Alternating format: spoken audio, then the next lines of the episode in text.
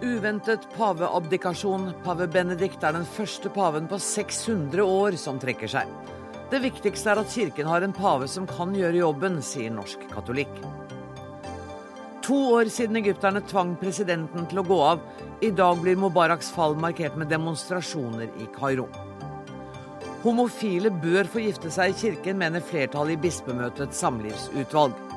Samlivet skal leves ut mellom mann og kvinne, mener mindretallet.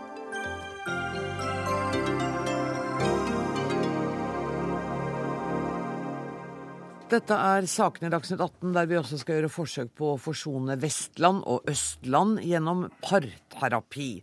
Det er litt seinere i sendinga. Aller først. Spekulasjonen er allerede godt i gang om hvem som blir ny pave etter den overraskende nyheten fra Vatikanet i dag. Pave Benedikt er for svak til å fortsette, og ønsker derfor å gå av. Han blir altså den første paven som gjør dette på 600 år. Vi skal høre et lite kutt fra pavens tale i dag vitrum coram Deo explorata, ad conditionem certam perveni, viris mias, in gravescente etate, non iam aptas esse ad monus Petrinum eque administrandum. Jeg har merket at jeg har mistet mye av kraften i så stor grad at jeg har måttet innse at jeg ikke er i stand til å fylle embetet som jeg er tiltrodd, sa eh, paven blant annet. Andreas Stingstad, kommunikasjonsrådgiver i Den katolske kirke. Hvordan reagerte du? Dette kom som en overraskelse på meg. Jeg selv så sto jeg setta på tredemølla i dag tidlig. så Det er en skikkelig blåmandag for meg og for mange katolikker. Eh, det var overraskende. Eh, det kom allikevel ikke som en kjempestor bombe. Eh, paven er snart 86 år gammel, en gammel mann. Eh, I et intervju med en tysk journalist i 2010 så åpna han faktisk for muligheten til å abdisere, dersom han ikke følte seg i stand til å lede kirken. Men etter det jeg har lest i avisen i dag, så visste ikke engang kardinalene som var til stede under denne messen, at eh, han hadde planer om å abdisere. Kardinalen ble også veldig overrasket og helt, tatt, helt på, tatt, helt på, senga. Så klart at det, det er overraskende for den hele katolske verden, det er det. Men, eh, men allikevel ikke helt uventet. Han har fått litt dårlig helse nå i det siste. Og klart han har gjennomgått en Eh, et enormt arbeidsprogram de siste åtte årene i sitt pontifikat. Han, han var 78 år gammel da han ble valgt, mm. og sa jo da at jeg kunne en ydmyk herrens tjener i herrens vingård. ikke sant? Han ville jo, altså Benedikt har vært en person som har alltid likt å holde seg i kulissene. Ja, for Det at han er gammel og syk, mm. Eh, det har jo ikke vært noe som tidligere paver har brukt for å kunne abdisere. Johannes Paul 2. var jo veldig tydelig på mm. at han skulle ja. være pave til sin dødsdag, og han var jo alvorlig syk. Det var han absolutt. Ja, jeg tror kanskje Johannes Paul hadde et kall til å faktisk stå gjennom den sykdommen. Det har ikke, det har ikke Benedikt. Eh, Benedikt gjør dette av kjærlighet til kirken, tror jeg, at han faktisk abdiserer. Og Det å være pave i dag, det er noe annet enn det er å være for, for altså 50-100 år siden et enormt mediepress. Og det er møter konstant, og det er reiser. Og bare i fjor så var, var han bl.a. i Mexico og Cuba, eh, og en utstrakt reisevirksomhet. Slik at jeg syns det står respekt av at han faktisk trer ned nå til det beste for Kirken. Hva slags forhold har Nå skal du få lov å snakke på vegne av alle verdens katolikker. Oi, litt oppgaver, Nei, men, men har, han, har, han, blitt oppfattet som en, en nær pave? En pave med mye utstråling og varme? Media har jo elsket denne historien om at han ikke er like karismatisk som sin forgjenger, som jo var en rockestjerne, så eksaltert og alt mulig. Eh, men Benedikt han har overrasket mange. Han har vært en veldig god pave.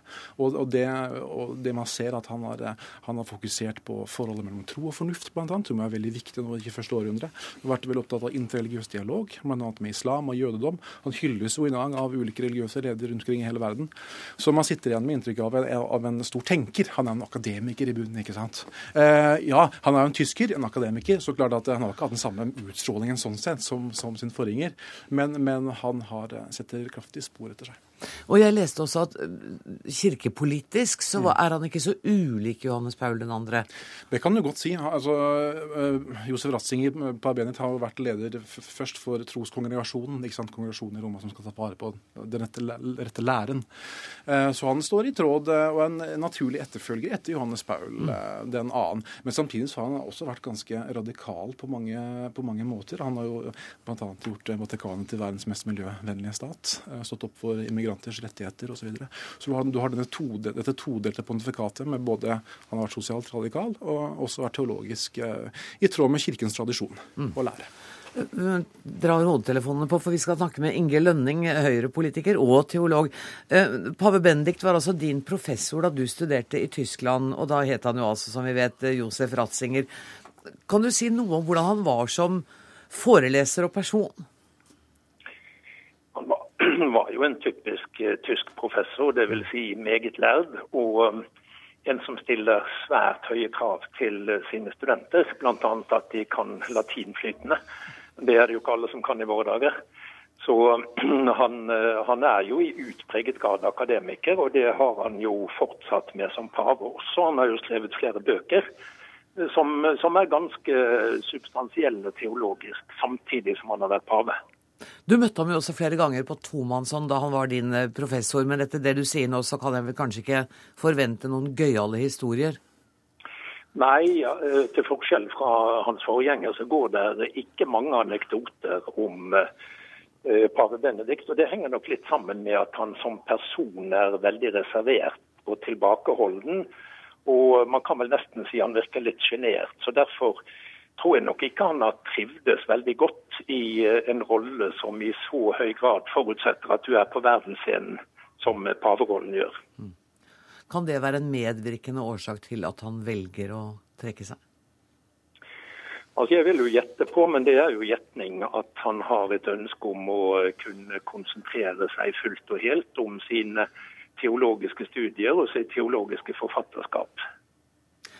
Takk for at du var med oss, Inge Lønning. Øyvind Nordevald, du er teologiprofessor ved Universitetet i Oslo. Og dette kan du mye om. Det er altså 600 år siden dette har skjedd. Hva var grunnen forrige gang det skjedde? Jo, det var på begynnelsen av 1400-tallet, eh, i 1415. Og da var eh, pavedømmet i en veldig vanskelig situasjon. Fordi da satt eh, Gregor den 12., som han het, som pave i Roma. Men så var det to andre motpaver. En i Pisa og en i Avignon i Frankrike som var en konsekvens av storpolitiske og indrekirkelige forhold. Og dette gikk jo ikke an i lengden. Så i et kirkemøte i Konstanz i Tyskland i 1415 så erklærte dette møtet alle tre for avsatt. Og Gregor den 12. han gikk med på det, men han hadde jo heller ikke noe valg. Men han gikk frivillig.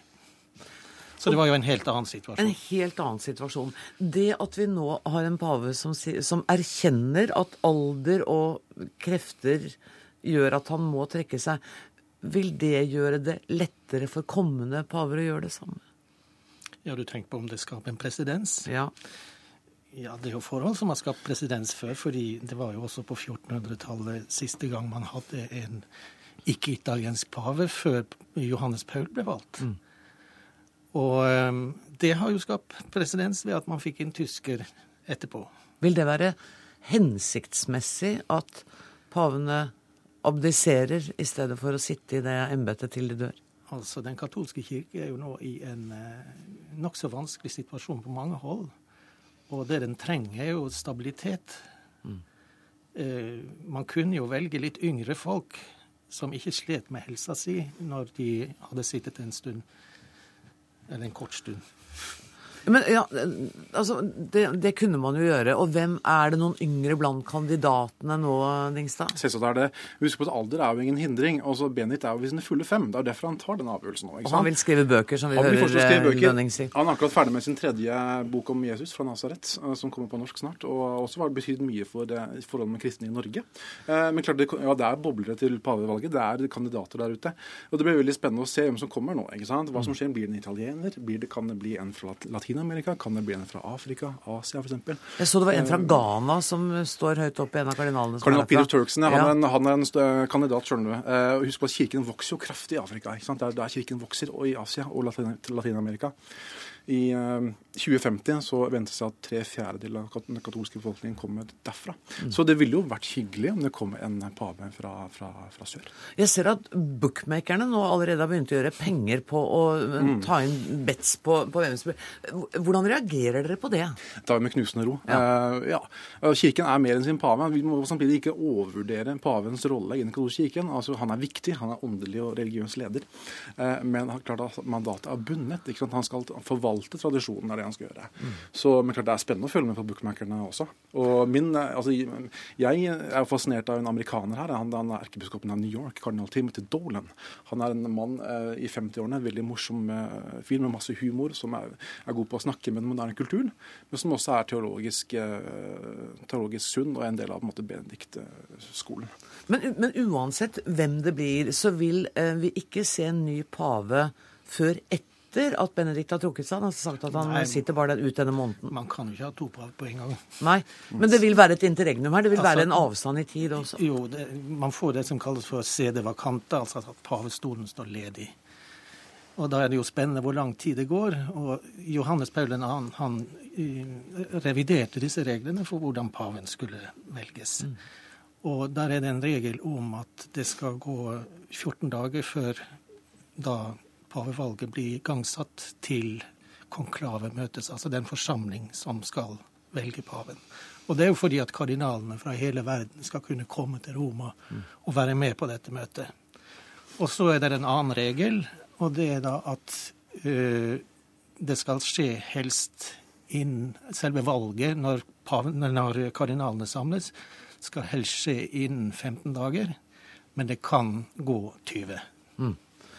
Men uh, Dingstad, det betyr at vi En måneds tid. En måneds tid, Det betyr at ja. altså, før påske har vi kanskje en uh, Det kan vi uh, godt regne med. Ja. Jeg tror det er viktig å få med her at, at at dette er jo ikke bare realpolitikk. Det er jo ikke, altså, man snakker mye om intriger osv. Og, og bruker fraksjoner i kardinalkollegiet osv. Katolikker tror jo også faktisk at Den hellige ånd har en finger med i spill her, og velger den paven som kirken til enhver tid trenger. Selv om det er mye uenighet i kollegiet som skal velge ham i forkant, så mener man at mm at Gud har en finger med i spillet hvem som blir. Man sier jo det at, at eh, når eh, kardinal Ratzinger i 2005 skjønte at eh, han er i ferd med å få store, denne store, store oppgaven, så var han, var han svært ganske skeptisk. Og at det var en kardinal som ga han en lapp som sier at det ikke din vilje, men Herrens vilje skje. Men det tok så, jo en stund. Det ja. tok 17 dager. Ja. Og med Johannes Paulen han tok det 20 dager. Mm. Så, og det var vel også en som trakk seg i prosessen under da Ratzinger ble valgt, var det ikke det? Eh, eh, det kan ikke jeg huske. Det kan være. Det var noe av det jeg leste fort og gærent i dag. Det kan være helt sikkert meg som har tatt feil. Ja. Eh, men dere skal ha tusen takk for at dere kom, Andreas Dingstad og Øyvind Nordevall. Hør Dagsnytt 18 når du vil, på nettradio eller som podkast. nrk.no – dagsnytt 18.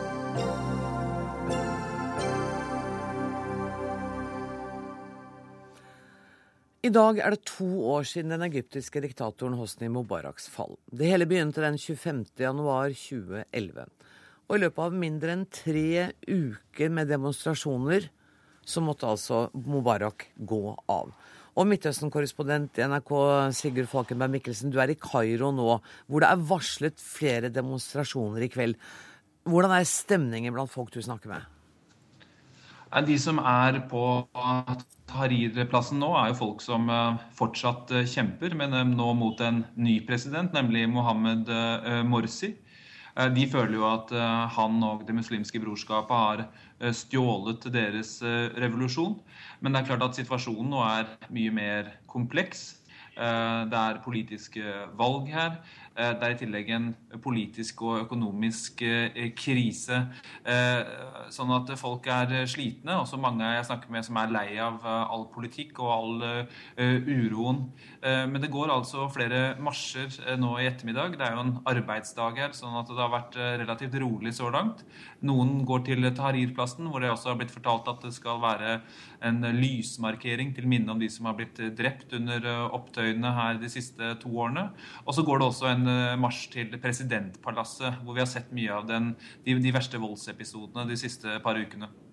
Bare gripe fatt i ett av de elementene du nevnte, nemlig den, den eh, økonomiske krisen.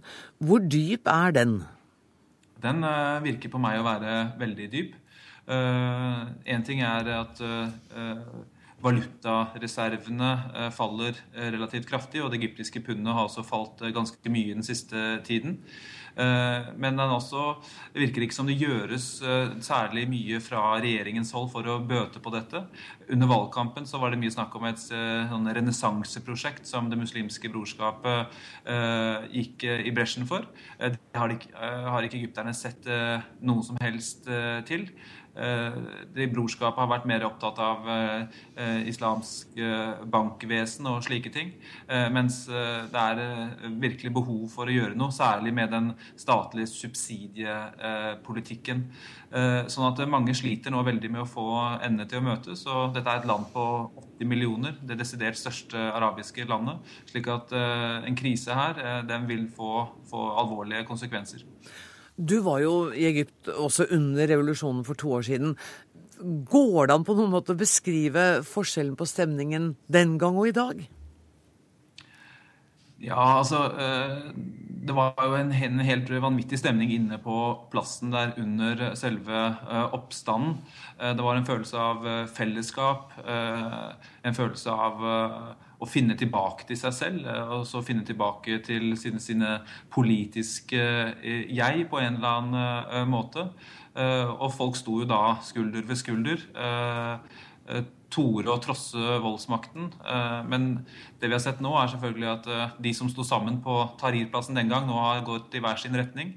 Du har brorskapet og islamistene på den ene siden, som har vunnet de fleste valgene her. Eh, og så har du da aktivistene på den andre som mener at eh, det ikke er nok. At de eh, også må klare å etablere et, en ny styreform som de ikke synes de ser. Og dette har jo dratt seg veldig til rundt, rundt grunnlovsforsamlingen. Sånn at, eller grunnlovsskrivingen og, og, avstemningen rundt den nye grunnloven. Sånn at det er, det er mye mer deprimert Egypt på mange måter, det vi ser nå. Men det er også et Egypt hvor det diskuteres politikk, hvor politikk har blitt en viktig viktig del av eh, hverdagen. Eh, og det fantes ikke under Mubarak på den samme måten. Seniorforsker ved Fafo, Mona Abdel Fadil, du er selv halvt egyptisk. Og det militære skal ha spilt en viktig rolle i å velte Mubarak. Hvilken rolle spiller de i dag? Det er det som egentlig er litt uklart. På papiret så spiller de en veldig eh, i, i bak scenen-rolle.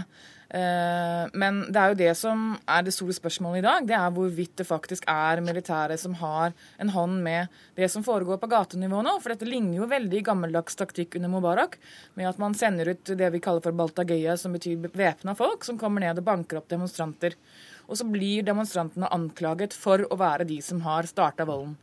Uh, og nå i det siste har vi også sett uh, seksualisert uh, voldsangrep som har vært ganske voldsomme. og Det har vært veldig mye footage av dette på YouTube og spredd på nye medier. Og igjen så er spørsmålet hvem er dette? Det, er, det, blir anklaget at dette har noe med sittende styre å gjøre, det har noe med det muslimske brorskapet å gjøre. Eh, men jeg tenker at den slutningen, det, det vet vi ikke ennå 100% fordi det er en eh, mediekrig, det er en maktkamp. Hvem er det som egentlig sitter på sannheten? Hvem er det som styrer? Jeg tenker at jeg vet faktisk ikke 100% hvem som styrer. Er det helt uoversiktlig? Det er veldig uoversiktlig. Jeg syns det. Jeg prøver uh, hele tiden å uh, følge med på flere medier, på arabisk, på engelsk, på norsk, for å prøve å få en oversikt. Mm. Uh, det er veldig mange jeg kjenner som er aktivister, som kjemper en kamp. Eh, men det som kjennetegner det å være aktivist, er jo at man ser en side av en sak veldig ofte og fremhever den veldig. Så følger jeg kun med på deres oversikter, så vil jeg få et bilde av at brorskapet står, står bak alt. Eh, og det tenker jeg ikke nødvendigvis stemmer. Og så får man også en, en, idé om at islamister og liberale står veldig imot hverandre. Og det tenker jeg det er en grov overdrivelse. De som jeg selv har studert uh, i min doktorgrad, de er islamister, og de har ikke stått bak Morsi, de har ikke stått bak brorskapet i noen av delene av denne overgangen. Brorskapet var jo forbudt under Mubarak. Eh, var det overraskende at de skulle komme fram og bli en sånn maktfaktor etter valgene? Det som jeg tror kanskje var den største overraskelsen, var at de ønsket det så mye. Eh, når det gjelder at de skulle få mye støtte i folket, det var ingen overraskelse i den forstand at de har stått for utrolig mye bra for veldig mange mennesker. Folk har fått sine personlige ekteskapsnettverk gjennom brorskapet, de har fått jobber gjennom nettverket, de har fått helse. De, altså helseregninger dekket. De har ofte gått på skole gjennom brorskapet, så det er klart at de har fått mye støtte i folket. Det har de. I tillegg så tror jeg at det vi må skille litt på her, er valgresultat og prosess. Så det som veldig mange okay. av aktivister i dag er imot, det går på tvers av grensen eh, islamist og liberale. De er imot prosessene. De, de bestrider ikke at brorskapet eller islamister fikk så og så mange prosenter, men de bestrider måten denne prosessen som ledet fram til dette resultatet, foregikk. De mm. mener at det finnes uh, all grunn til å kritisere denne prosessen. Tror du at Morsi og brorskapet kan bli sittende? ja, det er et veldig godt spørsmål. Altså, det som veldig mange har stilt seg over de siste månedene, er hvorvidt eh, Morsi noen gang kommer til å si at uh, hei, jeg gjorde noen feil. Mm. Uh, nå kommer jeg til å steppe, steppe, ned litt, i hvert fall sånn at vi kan gjennomgå de delene av Grunnloven som eh, mange er uenig i. Men det har jo ikke skjedd. så jeg er litt i tvil. Eh, men eh, sånn som det at vi fikk eh, bort Mubarak, det viser jo at alt kan skje. Mm. Hørte jeg deg, Sigurd Fagme Mikkelsen. Ville du innpå igjen? Ja, gjerne. fordi Når det gjelder dette med brorskapet og deres posisjonering nå, så, så, foregår det jo veldig mange parallelle prosesser her. og det er klart at Veldig mye oppmerksomhet rettes nå mot uh, gateplan og de gateopptøyene som, som har pågått her eh, mer eller mindre kontinuerlig siden desember, men som i hvert fall har akselerert nå under disse markeringene for, for, revolusjonen i 2011. Men det er klart at det skjer jo også noe med statsinstitusjonene her, og det tror jeg er viktig. altså at statsinstitusjonene svekkes betraktelig. Eh, de eh, har store problemer. Det gjelder politi, selvfølgelig, det gjelder innenriksministeriet, eh, som da ikke er reformert etter Mubarak.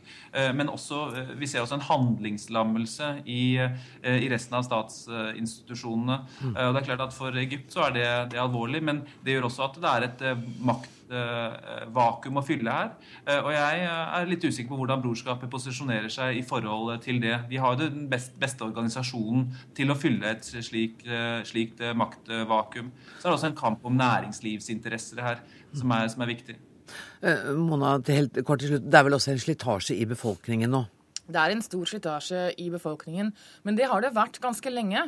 Og en av de siste tingene jeg så online før jeg kom i studio i dag, det var nettopp en uh, sånn humoristisk plakat som utveksles på Facebook, hvor det står De av dere som stemte ja for konstitusjonen, vil dere ha mer stabilitet nå, eller er dere lei? Tusen takk for at du kom i studio, Mona Abdel Fadil, seniorforsker ved forskningsstiftelsen Fafo. Og takk også til Sigurd Falkenberg Mikkelsen, vår korrespondent for tiden i Kairo.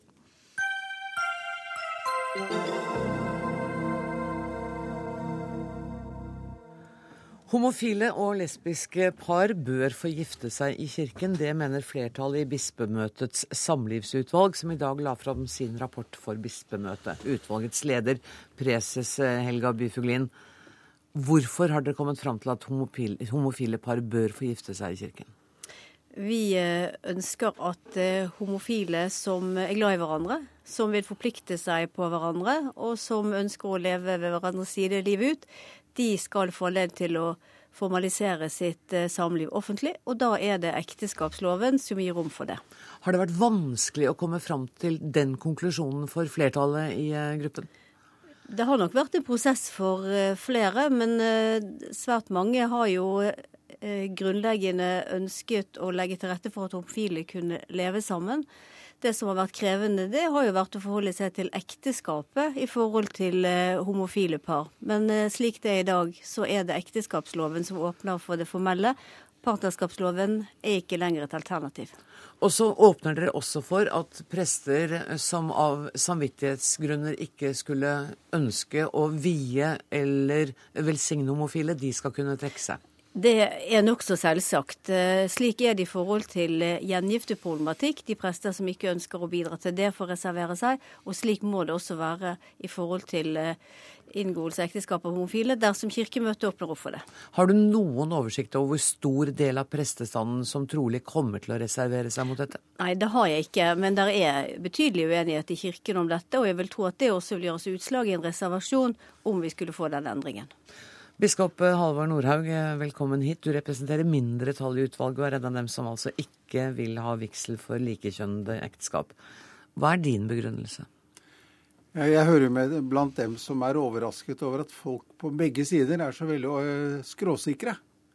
Jeg syns dette er en ganske vanskelig sak. Eh, når jeg på den ene siden leser i Bibelen om hvordan da samliv entydig er bestemt mellom kvinne og mann, og det er jo også skal vi si, den alminnelige kulturell erfaring gjennom generasjoner at ekteskapet har vært en ordning for kvinne og mann.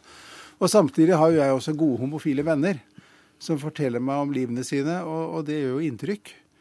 Eh, så jeg har vel, i, i denne prosessen som utvalget har arbeidet med, vi har jo jobbet i tre år, så har jeg jo kommet fram til mer nyansert og mindre skråsikker holdning enn jeg hadde før. Og jeg ser vel også tydelig at uh, vi kan ikke bare ta Bibelens tekster og flytte inn i vår egen tid. Det er en fortolkning som ligger imellom. Og det har skjedd veldig mye siden Paulus skrev om dette, og vi, og vi har det i dag. Og fenomenet homofili for Paulus var, er kanskje noe annet enn det er for oss. Mm.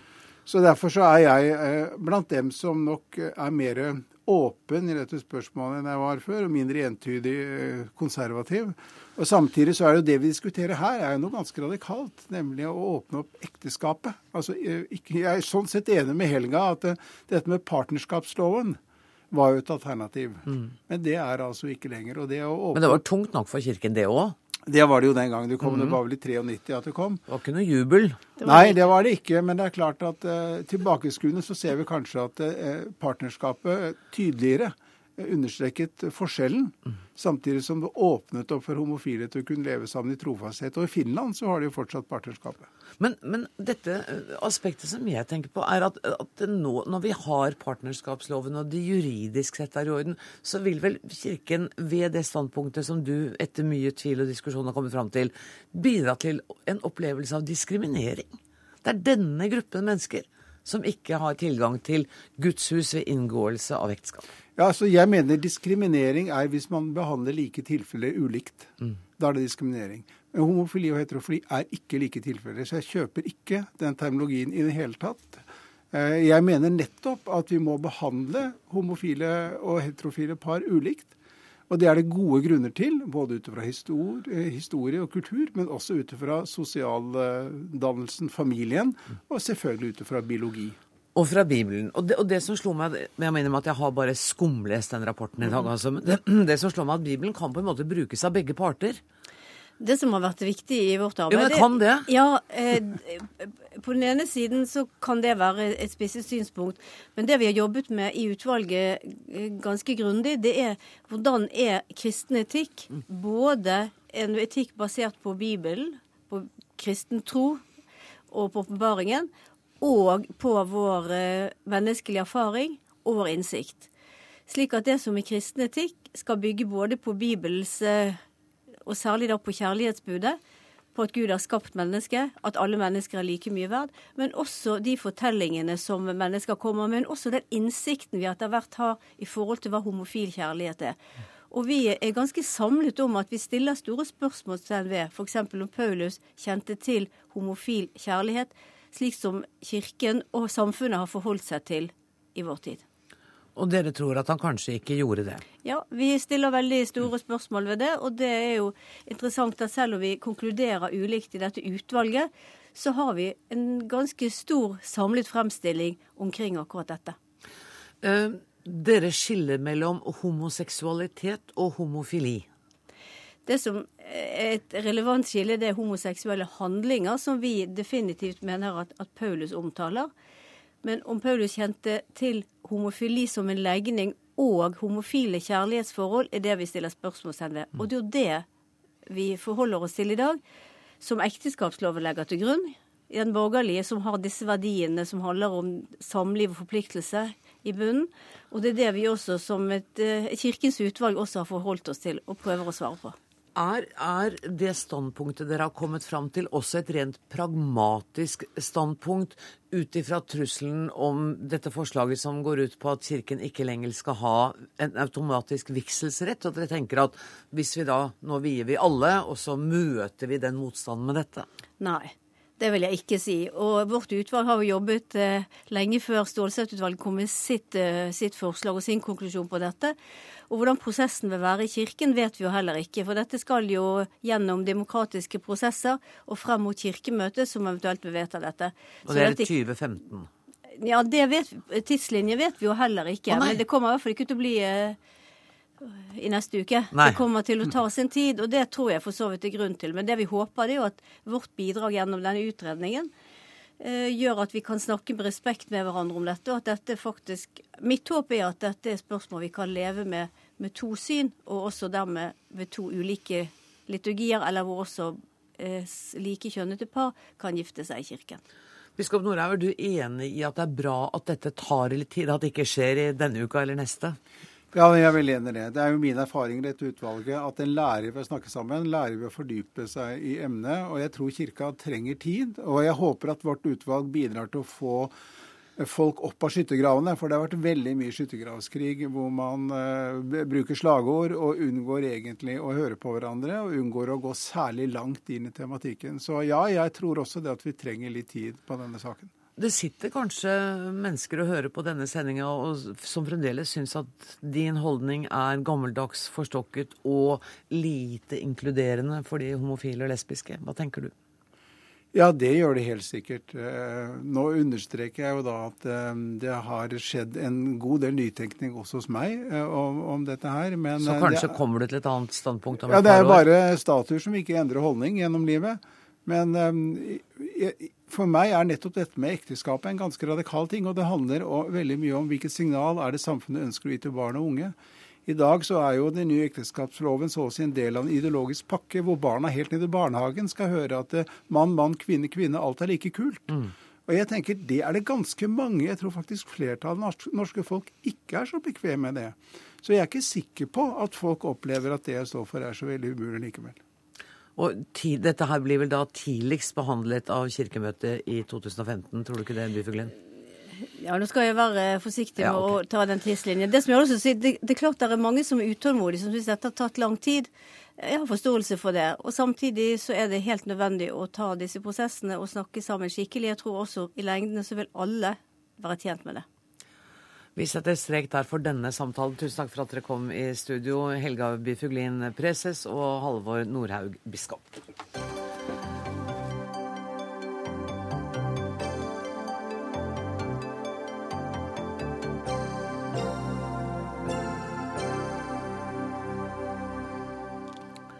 Han var britisk energiminister, medlem av parlamentet inntil for en uke siden. Både Chris Huhn og kona Vicky Price var fremadstormende karrieremennesker inntil skandalen var et faktum. I dag står de igjen med to ødelagte karrierer, brutt ekteskap, traumatiserte barn, og alt startet med altså noe så banalt som en fartsbot. Og Øyvind Brattberg, du er Storbritannia-ekspert. Man er jo ikke ukjent med politiske skandaler i det landet. Men at en fartsbot skulle utløse dette, må du nesten forklare. Det er et eksempel på at eh, nokså trivielle affærer kan eh, få store konsekvenser, også politisk. Det har ligget på vent ganske mange år siden denne forseelsen eh, skjedde. I 2003 var det vel. Og i realiteten handler det jo om en, en familiær affære, veldig uheldig sådan, hvor kona tar ansvaret, han har råkjørt, og så kommer det senere problemer i ekteskapet, og så rulles det opp, og så får man konsekvensene altså et tiår seinere. Og det er nå dette ruller og går i britiske, eh, eller engelske medier. Og Gry Blekastad Almås, du er med oss fra, eh, fra London. Og da, da vi snakket sammen om denne saken tidligere i dag, så sa du at vet du hva, grunnen til at vi ikke har snakket så mye om den, er at den, den er både privat og så vanskelig og litt for intim. De går jo gjennom en eh, offentlig skittentøysvask nesten uten sidestykke, der de mest private og intime historier brukes som bevisføring for at eh, han har vært et manipulerende maktmenneske også i ekteskapet. eh, Mens hun må svare for hvorfor hun angivelig da motvillig skal ha latt seg presse til å påta seg skylden for fartsbota, eh, når hun da ikke eh, ellers fremstår som en svak personlighet eh, på noen måte. Så Det er en litt sånn ubehagelig sak å lese om, men samtidig så er den jo viktig, fordi den avkler løgnere eh, i toppen av det politiske systemet. Der eh, de som eh, lager lovene ikke følger dem selv, men, men den skittentøysvasken som følger med, er nesten eh, på grensen til Ja, den er i hvert fall ubehagelig. Mm. Ja, la oss ikke gå langt inn i det skittentøyet, men bare slå fast at Chris Huhn er en profilert politiker, og tapte vel veldig knepent eh, for Nick Clegg i 2009 i kampen om partilederjobben. Og kona hans hun er også profilert, ikke sant? Ja, hun er økonom med diverse toppjobber både innen byråkratiet og i, i City. Eh, sammen har de tre barn, og hun har to også fra et tidligere ekteskap. Så det er klart at her har det vært en slags sånn eh, kamp også på hjemmebane i forhold til hvem som skal få utvikle karrieren, og hvem som skal ta seg av hus og hjem osv. Eh, og han lå jo an til å eventuelt være en utfordrer til Nick Clegg også framover nå, da denne saken kom opp og han trakk seg for et par år siden. Er det noen ting som tyder på at det har vært eh, lysten på penger eller materielle ting som har ført til at de plutselig har brutt alle både lover og etiske regler? Nei, det er ikke det. Altså det. Det ser ut til at det har vært et eh, tilfelle av flere eh, fartsbøter for hans vedkommende. For han hadde jo så mange prikker på førerkortet sitt da denne eh, fartsboten eh, kom. Eh, og det var det som så ut til å være motivasjonen for at han eh, ba kona si om å påta seg skylden for den, for å slippe å miste lappen, rett og slett. Øyvind Brattberg, får denne saken noen konsekvenser for andre enn dette ekteparet? Jeg tenker på partiet. Det gjør det absolutt. Nå har Chris Yoon ligget som en, en hai i vannskorpa og ventet på en mulighet til å utfordre Nick Clegg. En, en mulighet han ventet ville, ville komme i løpet av de nærmeste årene. Man kan se det som en god nyhet på et vis for Nick Clegg at han nå står nesten uten noen reelle utfordrere i partiet, men det er en, eh, en dårlig nyhet for liberaldemokratene, for de trenger alle de strateger de kan, kan, få for å komme styrket inn mot neste valg. Ja, for hvordan er situasjonen til det partiet nå? Den er, eh, hvis man kan si relativt trøstesløs, det kan man kanskje få lov til å si, så er det en uhyre vanskelig situasjon som, som en juniorpartner i koalisjonen med et sterkt ønske om å komme på offensiven, og uten særlig strengere å spille på på, verken politisk eller i form av populære politikere. Og Det betyr at, at man eh, vandrer mot neste valg nærmest i, i, blinde. Man skal nå få et slags suppleringsvalg i, i den kretsen hvor, hvor Chris Yoon var, eh, var parlamentsrepresentant. I den delen av England står Labour svært dårlig, så det er liberaldemokratene og de konservative som gjør opp om det. Så det, det blir neppe noen nedsmeltning av partistøtte der. Men partiets fremgang nasjonalt er eh, svært fraværende. Og dette er nok et tegn på at eh, strømningene går imot dem. Men vi var jo inne på tidligere at engelskmennene er ikke helt ukjente med denne type skandaler. Har det gitt langtidsskadevirkninger på partier tidligere, eller glemmer folk det ganske fort? Folk glemmer det ofte ganske fort. Mm. Og det, det, jeg tror man skal huske, er at uh, britisk politikk er svært personfokusert. Ikke bare pga. pressen, men også fordi man har et, en valgordning hvor personen, altså de personlige egenskapene og de enkeltmannskretsene gjør at hver enkelt representant har sitt ansvar og sin bør å bære, så å si. Og Det gjør også at skandalene når de slås opp, blir veldig tett knyttet til person. Og så glemmes de hvis personen forsvinner ut av, av rampelyset. Gryvar Hjun, er han en, en eh, karismatisk politiker? Han er en veldig eh, en politiker som beskrives som en som får det som han vil, nærmest. altså Som er veldig god i forhandlingssituasjoner. og Han fikk en veldig høy stjerne i partiet som eh, miljø- og energiminister eh, også. Eh, og sterkt mot eh, en del av de konservative politikken da, i denne koalisjonsregjeringen som gjorde at han også ble et, eh, et navn som en mulig utfordrer til, til Nick Clegg, som, som, mange i partiet også har sett på som litt for mye av en nikkedukke i forhold til det konservative partiet. Mm. Så han, han, var et stjerne. Nå sier han at han ikke har noen planer om, om, å gjenoppta sin politiske karriere. Og han har også da trukket seg som uh, parlamentsmedlem, som er den rollen han har hatt uh, siste året. Mm. Øyvind Brattberg, er det grunn til å stole på ham når han sier at han ikke har noen uh, tanker om å komme tilbake i politikken, eller er det en konsekvens av det der forgive and forget som gjør at han kan komme tilbake om et år eller to? Det avhenger av hvordan den juridiske prosessen eh, blir. Man har sett mange gale skandaler, ville skandaler i britisk politikk hvor den det gjelder, har kommet tilbake. Så se ikke bort fra det. Partiet kan komme til å trenge han om, eh, i hvert fall etter neste valg, når eh, den runden er, er gjennom, gjennomgått. Gryn, når er denne rettssaken planlagt avsluttet, som går nå mot ham? Eh, den pågår nå. Den delen hans holdt jeg på å si, er over. Nå er det Wiki Price sin okay. del av det som, som, går på retten. Så nå venter man på at den skal avsluttes, og deretter en domfellelse. Tusen takk for at dere var med i Dagsnytt 18, Gry Blekastad Almås fra London og Øyvind Brattberg, som er Storbritannia-kjenner.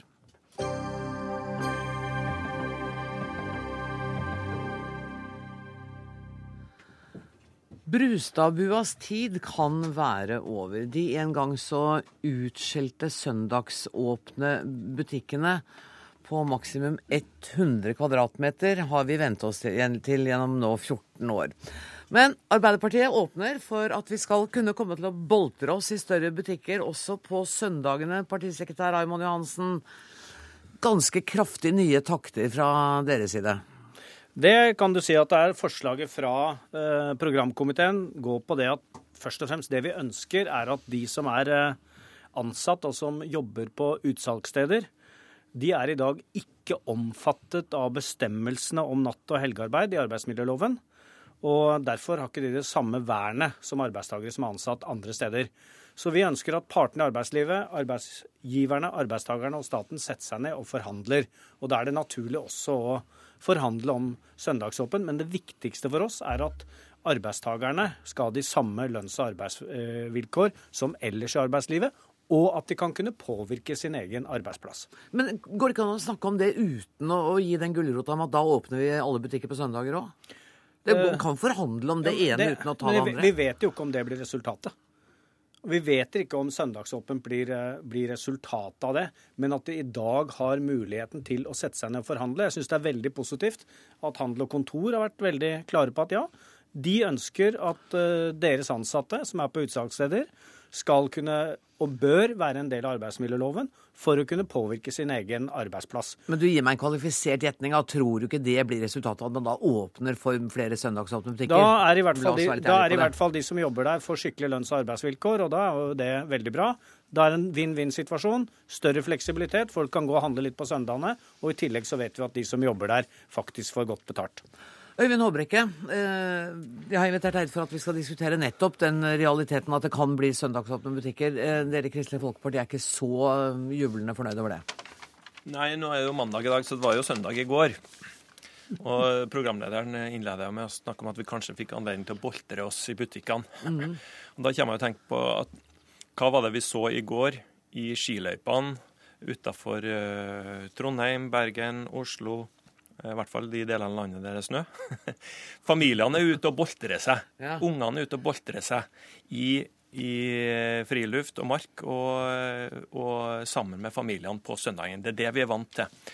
Og hvis, eh, hvis Raymond Johansen får igjen disse tankene her, så er det jo en ganske mange av de foreldrene som i går var ute med ungene sine og nytt familielivet på søndagen, de ville da vært på jobb på de kjøpesentrene som han snakker om. Og da det er klart at da, da får vi et litt annet samfunn. Da åpner vi for markedskrefter og kommersialisering som på en måte spiser av den siste lille pusterommet som vi har i, i samfunnet vårt. Men det er, jo ikke, handelsstanden er jo ikke den eneste arbeidsplassen vi har. Unnskyld, er det, det er ca. 300 000 ansatte i eh, den næringa. Og mm. enkelte steder så er 70% av dem deltidsansatte. Det er jo ikke sånn at marka vil bli tom for det om vi har noen åpne butikker på søndagene. Nei, det er, Det, det, er det heldigvis ikke. Ikke kjerkene heller. Ikke tommere enn de er, i hvert fall. Nei, men, men, eh, det er klart at du kan jo bare stikke en tur opp du, når vi sitter på Marienlyst, du kan jo stikke en tur opp i Nordmarka på en søndag da, og på en onsdag, så ser du forskjellen. Det tror jeg vi kan være sikre på. Og da er spørsmålet, Det er jo et valg vi som samfunn gjør. da. Ønsker vi å beholde den forskjellen den tradisjonen vi har for at det er uke, og så jobber du, og så blir det helg, og da har du gjerne de fleste av oss med mindre du er nødt til å jobbe, har spesielle jobber som gjør at du må jobbe på søndagen, så har du fri. Så har vi fri sammen, så kan vi gjøre noe sammen. Er det en verdi vi ønsker å ta vare på?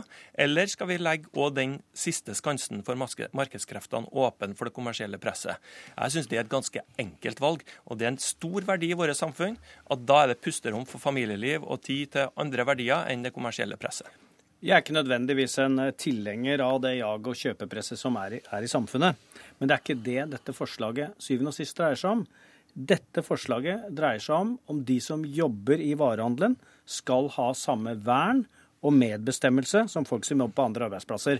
I dag er det sånn at hvis du jobber heldigvis på et eh, sykehjem eller på et sykehus, så du, er du regulert av arbeidsmiljøloven, du er regulert og har et vern. Eller om du jobber på en byggeplass, er det noen som pålegger deg å jobbe etter klokka ni, så har du faktisk rett til å påvirke det selv.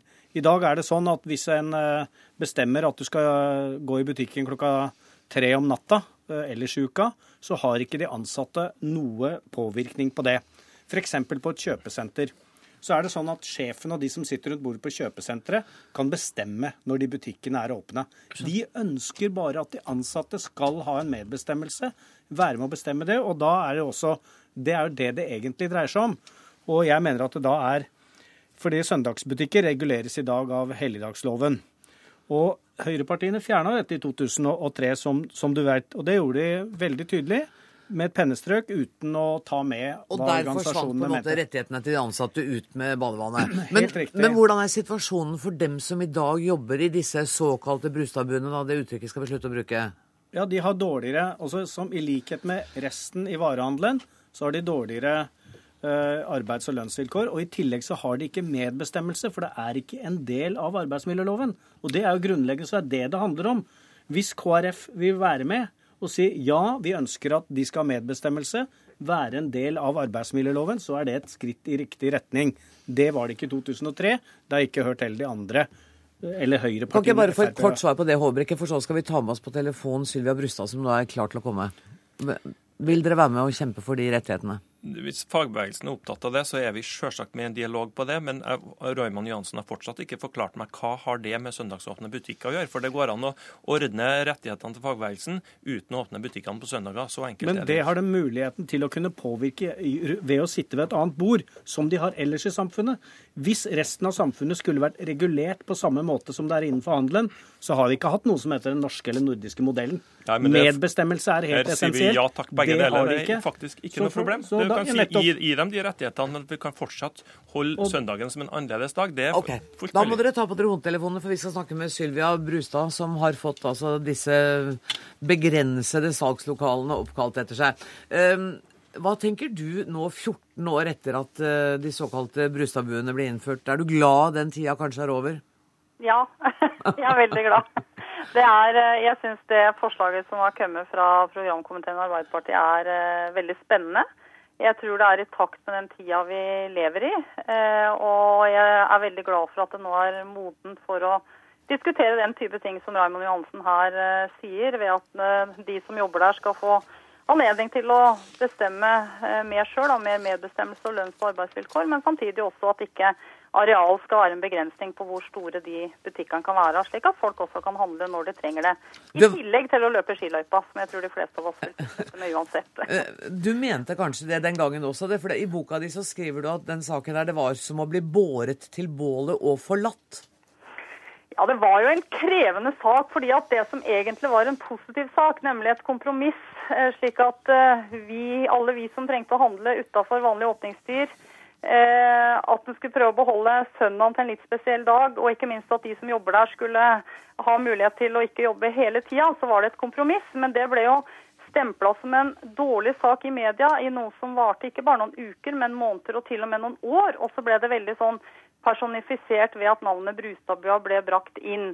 Så Det var så langt vi kom for 15-16 år, år siden, men jeg registrerer og er glad for at eh, mye har endra seg siden da, og jeg ønsker dette nye forslaget veldig velkommen. Får du fortsatt kommentarer på navnet og på denne saken?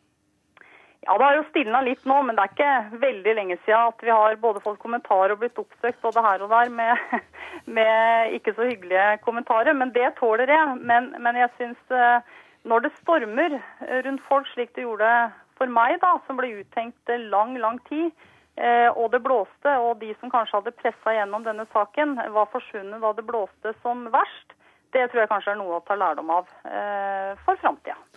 Raman Johansen, eh, Håbrekke sier at han fikk ikke ordentlig svar deg, fra deg på dette med om man ikke kan forhandle rettigheten til arbeidstakerne uten at man også åpner dette fossefallet av åpne butikker på søndager. Det, ja, det er jo ikke sikkert det blir resultatet, men jeg mener at det bør være resultatet gjennom forhandlinger. Hvor de ansatte sammen med eh, arbeidsgiverne og staten forhandler på om det er en god løsning eller ikke. Jeg mener at det en, kan være en god løsning også ha søndagsåpne butikker. Vi lever i et veldig fleksibelt eh, samfunn hvor det å kunne handle melk og brød og litt eh, supplement er viktig. Samtidig som jeg har full respekt for og jeg er en mann som går i skauen i helgene og vil ikke i stor grad være eh, mye på, på butikker. Men det er medbestemmelsen og er muligheten til å viktige, det har vi påvirke sin Ja, og, det, og da ligger en Og samtidig så mener jeg framtida er mer, mer fleksibel. Folk jobber mer ubekvemt. Og det at man også har anledning til å kunne Kjøpe melk og brød, var det du ja, sa. og at det ikke er 100 kvadratmeter eller et uh, begrensa vareutvalg som bestemmer. Det virker jo litt sånn molbo. At vel, vent litt, så skal jeg gå inn i butikken min, og så går det min bak forhenget og henter noen varer som den da ikke har på utsalget. Men bare la meg oppklare en ting. Det, er, snakker vi bare om dagligvarer her? Nå snakker vi om, uh, om dagligvarer. Så det er ikke aktuelt å åpne for andre Ja, men det, det mener jeg det får jo se, skje gjennom de forhandlingene Nei, som men hva er. syns du, da?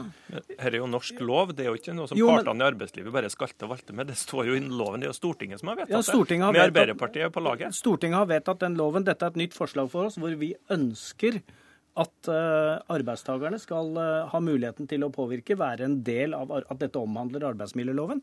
Slik er det ikke i dag. For loven ellers i uka er jo det at du er oppe fra seks om morgenen til, eh, til tolv om kvelden. men- det, det er gjort med et, eh, med et pennestrøk. Men det at de arbeidstakernes organisasjoner nå er positive til å se på dette, Ja. mener jeg er veldig bra. Ja, altså jeg stusser litt på det, fordi at Vi har jo faktisk en lov da, som er vedtatt i Stortinget, som, som regulerer her, her i dag. Og Så sier man her at det, vi får se hva resultatet blir av forhandlingene. Vi vet jo at arbeidsgiversida ønsker å åpne på søndager. Så da, Det Raymond Johansen her sier, at dette her får nærmest LO bestemme på Youngstorget da, og hvordan dette skal være i framtida. Dette har vi behandla i Stortinget senest for et år siden. Og Arbeiderpartistatsråden Rigmor Aasrud skrev da til Stortinget så skriver hun bl.a.: Grenser for kommersiell aktivitet på søn- og helligdager bidrar til å bevare disse dagene som annerledes enn vanlige hverdager. Godt skrevet av en fornuftig Arbeiderpartistatsråd. Eh, Så jeg tror at eh, jeg tror at vi skal se på dette som et politisk spørsmål, der vi faktisk skal bestemme oss hvordan ønsker vi dette med ukedager og helgedager framover. Så er det et politisk spørsmål og skal ikke avgjøres på Youngstorget. Ja, herre, dette avgjøres gjennom forhandlinger i god, tra god tradisjon, slik det er ellers i norsk arbeidsliv. Hvorfor skal de som er ansatt i varehandelen bli behandlet forskjellig fra andre uten innflytelse? Det er til syvende og sist det det dreier seg om. Og ingenting av dette kommer til å bli forandret denne uka. Tusen takk for at dere kom, Raymond Johansen og Øyvind Håbrekke. Og takk også til Sylvia Brustad, som var med oss på telefon.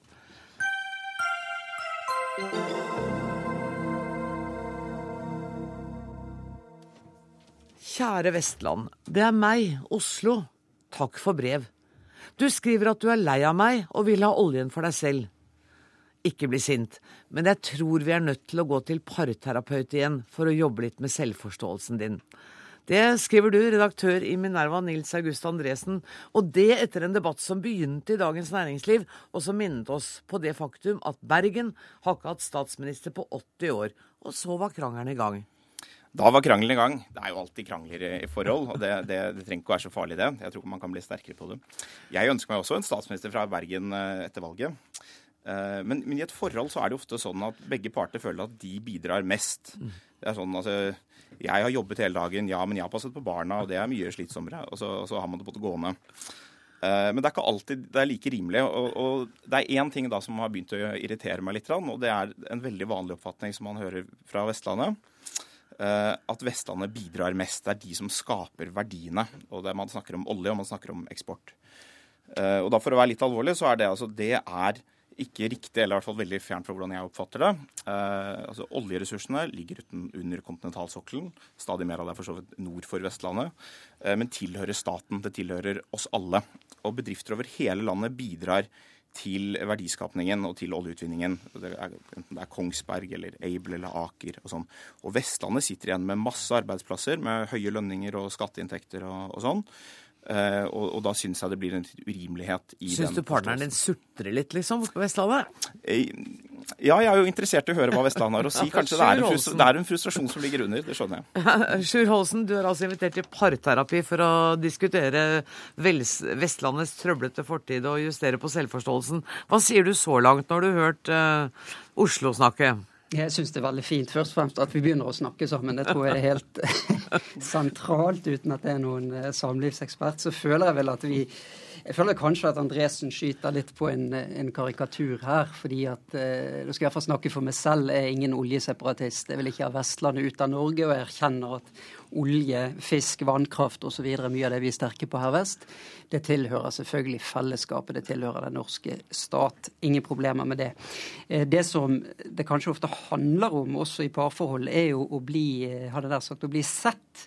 Eh, og det faktum at dette, mye av dette ligger på vår dørstokk, eh, det har gitt oss eh, på Vestlandet egne erfaringer, det har gitt oss egne utfordringer. Og jeg tror i et Norge som er veldig hva skal vi si, tykt på, på politikk, kanskje litt fattig på, på privat initiativ iblant, så tror jeg den selvstendighetskulturen du finner på Vestlandet, er noe man i større grad skulle erkjenne også østpå. I hvert fall en, en, en, en mann som, eh, som Andresen med hans eh, politiske ståsted i Minerva. Men, og du skriver jo også, uh, apropos dette med selvstendighet og avstandstagen fra Oslo, den skjønne horen Bergen som hadde ligget med ryggen til nasjonen i århundrer, i utuktig omgang med utlandet. Du mer enn antyder at Oslo blir litt provin provinsielt sammenligna med Bergen?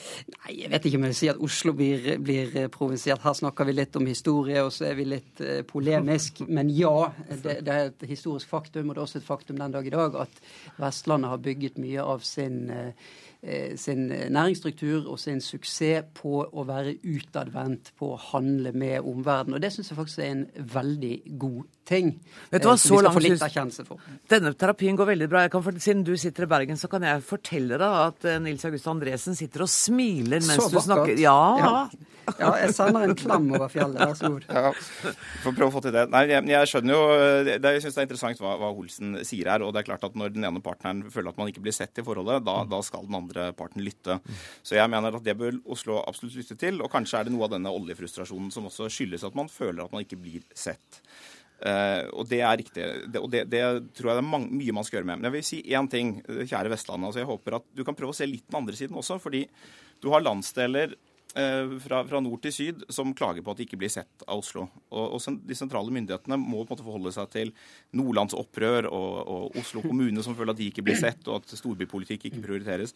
Og, og det er, Man klarer ikke alt. Eh, Men, men når det er sagt, så ser jeg også det at eh, det er mange tendenser i et samfunn, særlig som er ganske lite, som fører til sentralisering. eh, Og at kanskje for lite kulturell makt blir liggende igjen i regionene. Og, og det er en diskusjon som, som jeg, jeg absolutt er villig til å, til å ta hvis denne oljeseparatismen kan eh, begraves litt. Den er litt begravd, den nå. Den er begravet, og det er en veldig viktig del av, av diskusjonen. Men nå skal jeg, altså i den sanne terab, eh, hva heter det, parterapiens ånd her, så skal jeg, skal jeg ta litt selvkritikk òg, for det er faktisk litt viktig. Altså jeg tror nok det vi på Vestlandet må bli flinkere til, er jo også å løfte våre problemer og anskueliggjøre at de er nasjonale.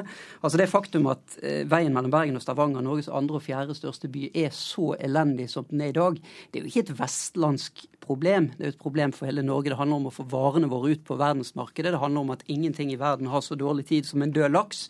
Og dette må vi bli flinkere til å sette inn i en nasjonal ramme. Så det var dagens selvkritikk. Ja. Det, nå nikkes det nesten lykkelig, nesten euforisk her over bordet. Men dere, eh, altså hvis, eh, hvis meningsmålingene hadde vært valg i dag, så ville vi altså fått en statsminister fra Bergen. Ville det ført til store forandringer? Andresen først. Altså, jeg, jeg Noen av disse by-land-konfliktene og Oslo-regionskonfliktene er, er tverrpolitiske. Men jeg kan si en ting som altså, Erna Solberg har vært kommunalminister og vært opptatt av kommunenes eh, vilkår og, og kommunesammenslåinger og sånn. Jeg tror én grunn til at det av og til er vanskelig å få eh, bestemmelse ned i systemet, altså myndighet ned til kommuner og sånn, er at eh, i noen grad er de for små, det mangler kompetanse, klarer ikke å sette dagsorden, gjennomføre ting.